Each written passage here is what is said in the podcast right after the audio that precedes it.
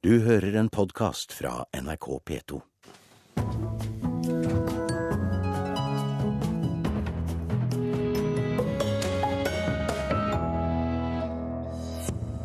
Festspillsamarbeid koster mer enn det smaker for operaen i Os. Aldri mer, sier Opera Omnia. Folk i Ringsaker positive til hvordan det nye Prøysenhuset blir seende ut, men frykter det blir krevende å drifte. Og Sølvguttene prøver seg på et av verdens vanskelige korverk. og Det gir flere utfordringer enn bare det sangtekniske. Det var jo en periode inni der der hvor jeg sto og hadde lyst til å bare sette meg ned, egentlig. Du hører på Kulturnytt med Birger Kolsrud Jåsund i studio. Operaen i Os angrer på samarbeidet med Festspillene i Bergen. I kveld har Opera Omnia nypremiere på operastykket Havfest i anledning Festspillene. Men fremdeles er bare halvparten av billettene solgt. Produsent Lisa Nødtsæter mener operasatsingen på Os har druknet i det store Festspilleprogrammet, og frykter nå stort underskudd. Vi var kanskje naive, men eh, vi var også store, så vi tenkte at selvfølgelig blir vi synlige, for vi er en svær produksjon i det systemet. Men eh, sånn ble det ikke helt.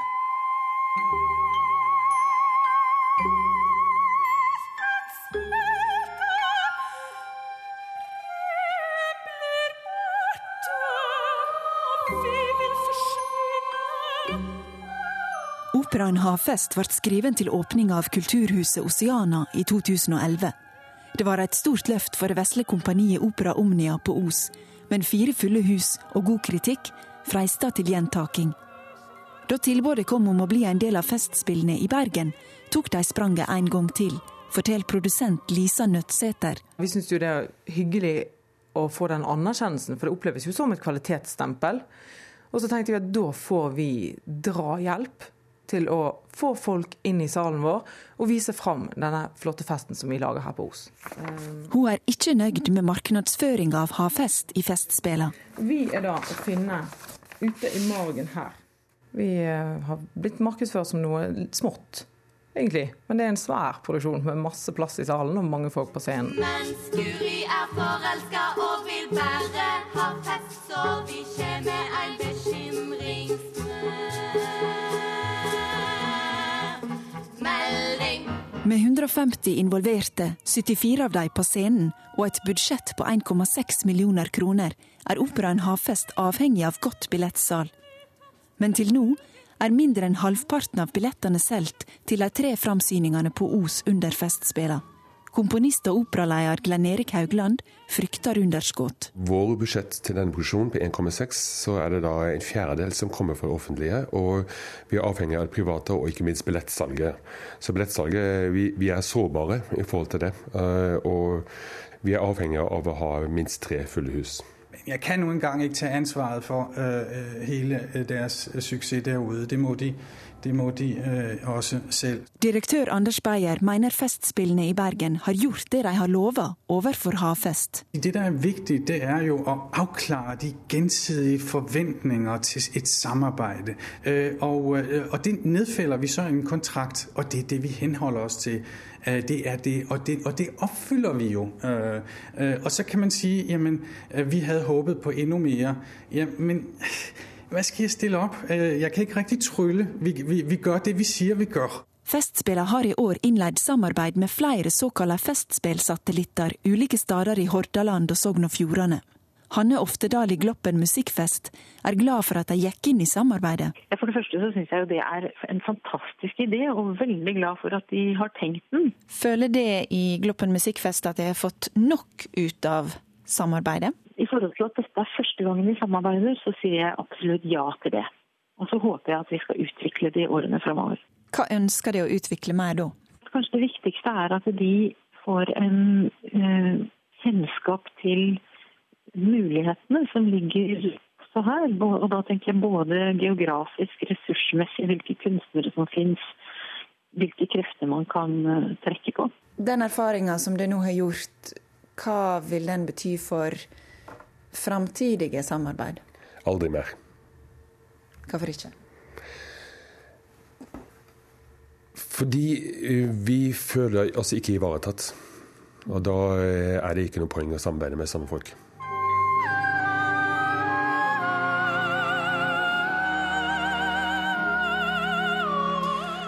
Ja, vi hørte utdrag av operaen 'Havfest' av Glenn Erik Haugland og Heidi Tronsmo, som eh, blir satt opp eh, på Os i kveld. Reporter her, det var Turi Rogne.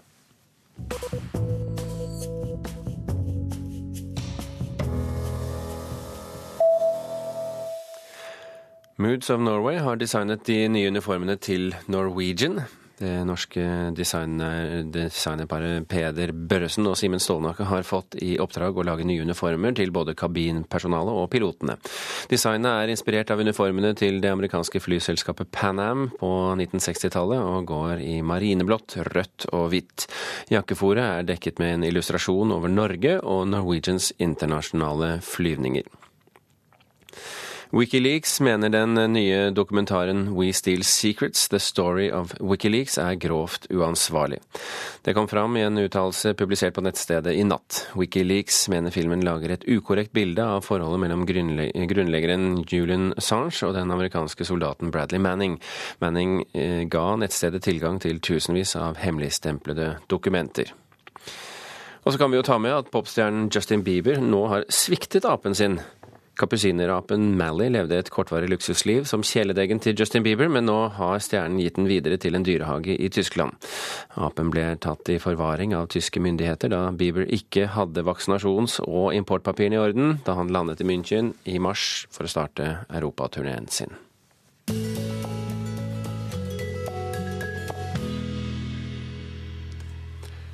I går kveld kunne folk for første gang se hvordan det nye Prøysenhuset blir. Mange har stilt spørsmål om huset, som finansmannen Arthur Buchardt skal gi i gave til Ringsaker kommune. Jeg var veldig spent på hvordan det skulle bli. Hvor langt de var kommet, hvor, hvor konkret de kunne være. Å du gode sparegrisen min. Tidligere langrennsløper Ole Ellefsæter fra Nybygda slo an tonen da folk i Ringsaker i går kveld for første gang fikk se tegninger av det nye Prøysenhuset. Første verset slutt. Det har vært strid om det nye huset, etter at Arthur Buchardt og Ringsaker kommune gikk sammen og lanserte et nytt Prøysenhus med et nytt innhold. Så trakk Hedmark fylkesmuseum seg ut av samarbeidet. Museet mente det ikke lenger kunne stå inne for det museumsfaglige innholdet. For første gang i verdenshistorien siste versjon av huset. I går kveld fortalte kultursjef Asle Berteig at det 1000 kvadratmeter store kulturhuset tegna av arkitektfirmaet Snøhetta skal fylles med levende mennesker og aktiviteter for barn og voksne. Her ser vi inngangspartiet der borte. De besøkende skal møte levende figurer fra Alf Prøysens forfatterskap. I tillegg skal det ha teatersal, kafé, temporære utstillinger, digitalt arkiv, bibliotek og musikkverksteder. Prøysen har gitt oss mange sanger, han har gitt oss mange historier, han har gitt oss mulighet til å lage skuespill. Altså en levende delen av Prøysens forfatterskap må det fylles med. For det berører, og så vil folk ta med seg opplevelser, og så vil de fortsette å utforske Prøysen i etterkant. Sier daglig leder for Prøysenhuset, Hogne Mo. Skien har sitt Ibsenhus. Ringsaker og Innlandet får sitt Prøysenhus. Det er finansmannen Arthur Buchardt som gir huset på 35 millioner kroner i gave til Ringsaker kommune, som deretter skal stå for drifta. Og nettopp hvordan de skal greie å få huset til å gå økonomisk i åra framover, er det mange er spente på. Det er klart det er skattebetalernes penger noe til dette, og da hva får vi tilbake? Så det er mange som vil vite om hva er dette egentlig. Hvordan skal dere klare å drifte det? det altså nå jeg, jobber jeg med formidling til grupper i dette Prøysenhuset, og opplever stor entusiasme. Og Det handler om å få stadig flere til å oppleve entusiasme, og, og satse på de ringene i det vannet det, det er tingen. Å, å, tørre å gjøre det, eller gå for å gjøre det ordentlig fra første stund, det er det vi må gjøre. Jeg tror folk kommer til å stoppe her. Jeg tror at det her er noe, kanskje det som skal til for å få folk til å stoppe i Ringsaker. Jammen tror jeg, men jammen veit jeg at han var rett for å sette spor. Dette skal være ferdig eh, 23.07. 2014 klokka 14. Så da er det bare stille klokken. Reporter i Ringsaker, det var Stein S. Eide. Klokken er nå 14,5 minutt over åtte. Du hører på Kulturnytt, og dette er toppsaken i NRK Nyheter akkurat nå. Vannet går tilbake i de store vassdragene. Nå er det innsjøene i de lavereliggende strøk som stiger. En kvinne er pågrepet for å ha tatt livet av en mann i Haugesund i natt.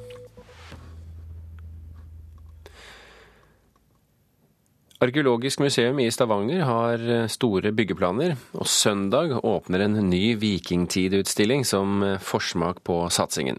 Museet ønsker å utvide med 5000 kvadratmeter, og vikingtiden vil få en sentral plass i nybygget. Dette er lyden mange av oss forbinder med vikingtida, men Det er faktisk noen damer òg. sier arkeolog Siv Kristoffersen, faglig ansvarlig for en ny utstilling ved Arkeologisk museum i Stavanger. De, de har en historie hver som vi forteller, som gir et, et lite innblikk av den rollen de hadde. For alle disse kvinnene de har et smykke som er laget av et irsk beslag, som er røvet i Irland. Vikinger seilte til Irland for å handle, hente slaver og plyndre kirker og klostre for edle metaller. Gravfunn fra over 50 gårder i fylket tyder på at de første vikingene dro dit fra Rogaland, sier Christoffersen. Det er mange som har ønsket seg en vikingtidsutstilling. Og så har vi også et veldig spennende materiale som belyser en eh, interessant Ja, der hører vi de. Og her står jo et av de kjente funnene våre, bukkenspenna, som vi alltid bare har sett forfra. Og da er den en gullspenne med nordisk eh, stil. Og hvis vi ser i speilet, så får vi nå for første gangen se baksida. For det er nemlig en gullplate som er bøyd rundt en bronseplate som kommer fra et eh, hengekar fra Irland, som antagelig har vært et vidvannskar. Vi har prøvd å få fram litt hva dette her egentlig dreide seg om. Ja, hva tenker du på da?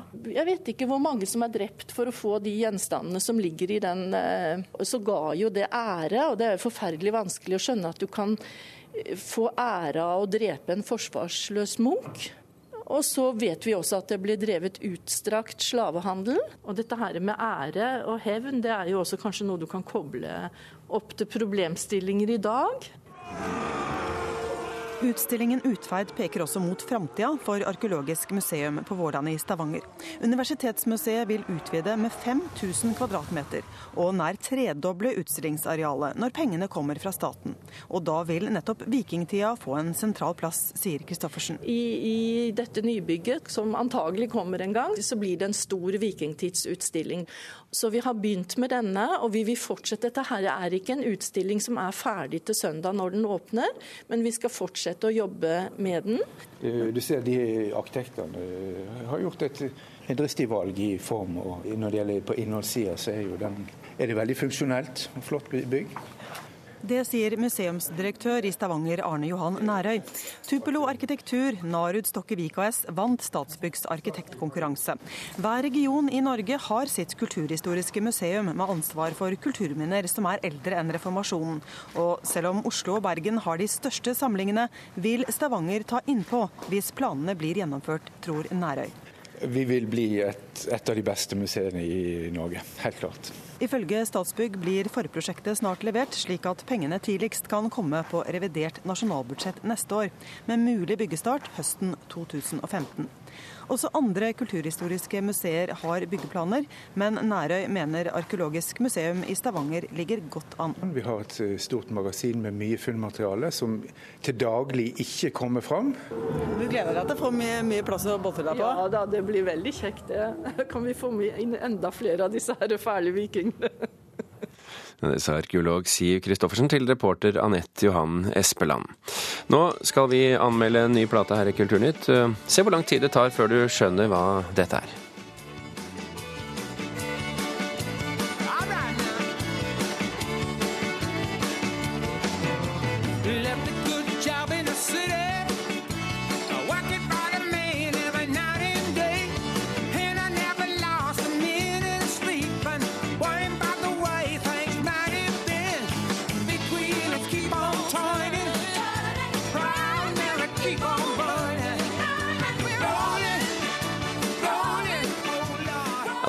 Velkjente Proud Mary, som i denne drakten finnes på John Fogertys nye album Wrote a Song for Everyone, som slippes neste uke.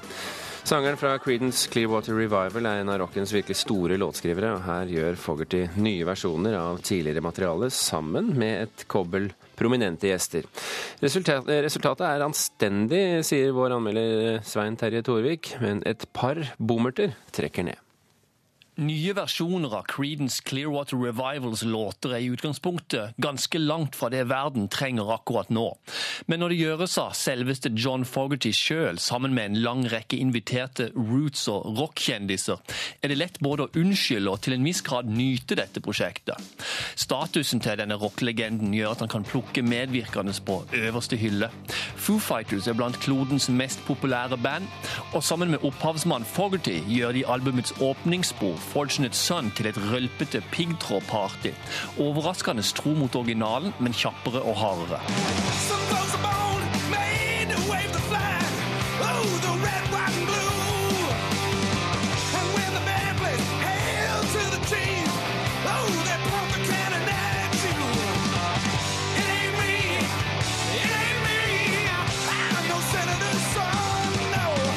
Men det er ikke hard rock som dominerer Wrote a Song for Everyone. Dette er mest et ganske streit rootsrock- og countrypop-album, dominert av twangy gitarer, akustisk strengeplukking og breie sørstatsdialekter. To spor er nyskrevne, resten har vi hørt før i andre versjoner av Creedence eller Fogerty Solo. Tittelsporet er en duett mellom Fogerty og den unge countrystjerna Miranda Lambert. Live myself come in line. Hun synger nydelig, og dette hadde vært et høydepunkt om ikke låta hadde blitt tildelt et musikalsk nakkeskudd i form av en totalt malplassert gitarsolo fra Tom Morello, mest kjent for de knallharde og politiske rapprockeren Rage Against the Machine.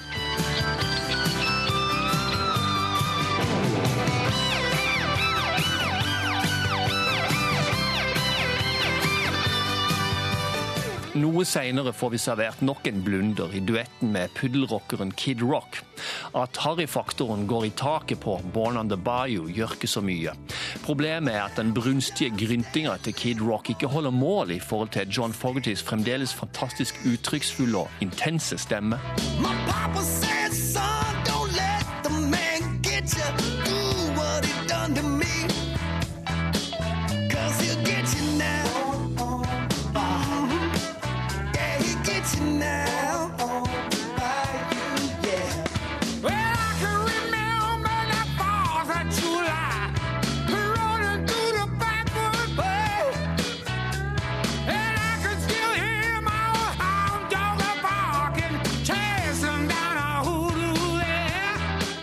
Long As I Can See The Light fungerer bedre.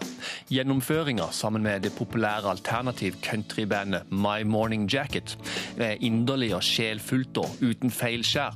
Men den er kanskje en tanke for ærbødig i forhold til Creedence-innspillinga fra 1970.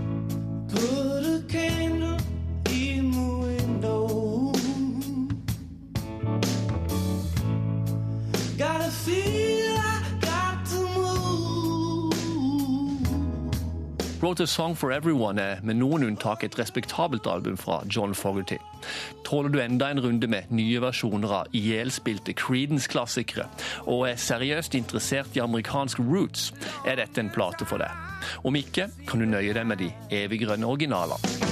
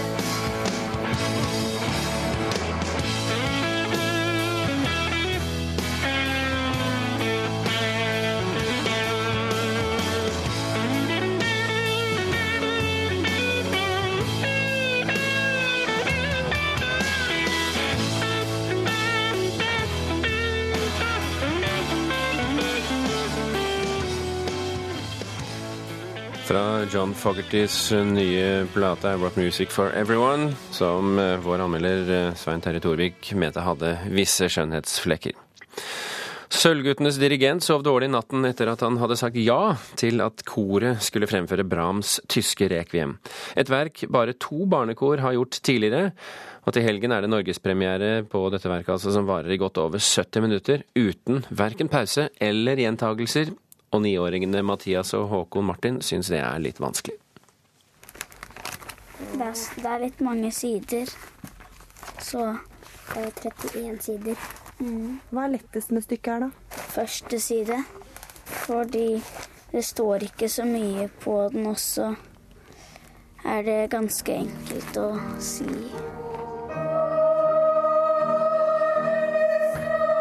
Glem sølvguttene i hvite kapper som du har sett på TV. Nå dingler de med beina. Noen sitteligger på stolen, én sjekker mobilen. De er som gutter flest i alderen 7 til 14 år. Konsentrasjon er vanskelig. Men guttene med sølvstrupene har tatt på seg en stor oppgave. For de er det første guttekoret i Norden som framfører Brahms tyske rekviem. Premieren var i Litauen for noen uker siden. Nå til helga er det norgespremiere. Aldri i livet var min første tanke. Men, øh, og jeg sov ikke så godt den første natta etter at jeg hadde sagt ja heller. Det sier Sølvguttenes dirigent Fredrik Otterstad. For konkurranseinstinktet våkna da samarbeidskoret i Vilnius ville sette opp Brahms. Jeg hadde heller aldri funnet på dette selv, altså. Det er, det er nesten litt gal, Mathias, å, å gjøre det. Det er jo et av de største korverkene som er nesten rent korverk eh, med orkester. Eh, I 75 minutter eh, uten å, uten å sette seg en eneste gang. Det er eh, innsatser hele veien. Så det er, det er bare rett og slett et veldig svært verk. Og så er dimensjonene på det er det inneholder på en måte gammeldagse komposisjonsformer som det er puttet mye vanskelige nye noter inn i. Og så er det lange linjer, som det ofte var i romantikken, som egentlig krever store lunger. Men det har jo ikke disse barna. Så da er det litt juksepusting som må til. Vi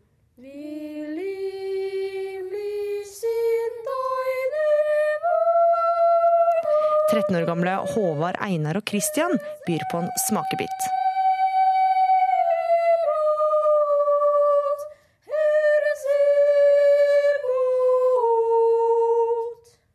Også for 13-åringer kan det over timeslange verket, uten verken pauser eller gjentagelser, bli i lengste laget. Det gikk jo faktisk ganske fort, følte jeg. Når vi sang det i Vilnius, så gikk det faktisk veldig fort. Eh, Da tok det mye kortere tid enn det jeg trodde det skulle. Men eh, altså, det var jo en periode inni der der hvor jeg sto og hadde lyst til å bare sette meg ned, egentlig. Man trener jo opp etter hvert da, og stå stille. Det blir lettere og lettere etter hvert. da. Du vet at eh, kordirigenten deres sa at når eh, at han sov dårlig første natta når han bestemte seg for at dere skulle framføre dette her. Hva tenker du om det? Ja, jeg skjønner han. Ja, ja, ja. jeg skjønner han veldig godt. Altså, det omtales som det vanskeligste korstykket som noen gang er laget. Så, så det, er ikke, det er ikke så rart, liksom. Å få et barnekor til å synge det er ikke så veldig lett. Du kan også høre Sølvguttene. Til helgen er det nemlig norgespremiere. På fredag synger de i Røa kirke i Oslo, og på lørdag er det Paulus kirke, også det i Oslo. Søndag er det konsert i Bragernes kirke i Drammen. Reporter i dette innslaget det var Gry Veiby, og mer om denne saken kan du høre i programmet Spillerom søndag her på P2 klokken 14. Det italienske operahuset La Scala er i økonomisk krise. Pga. mindre statlig støtte må operaen i Milano kutte antall produksjoner fra 13 til 10 neste år. Operaen har nektet å sette opp billettprisene og å kutte i budsjettet til operaens egen skole. Kulturnytt eh, runder nå av. I dag har vi fortalt at Opera Omnia angrer på samarbeidet med Festspillene i Bergen, og at de aldri mer kommer til å være under vingene til Festspillene. Og du har hørt at folk i Ringsaker er positive til hvordan det nye Prøysenhuset blir seende ut, men de frykter at det kommer til å bli krevende å drifte. Beate Haugtrø, Eivind Våge og Birger Kolsrud Jåsund takker nå for følget. Hør Kulturnytt igjen i ettermiddag på P2 klokken halv fem.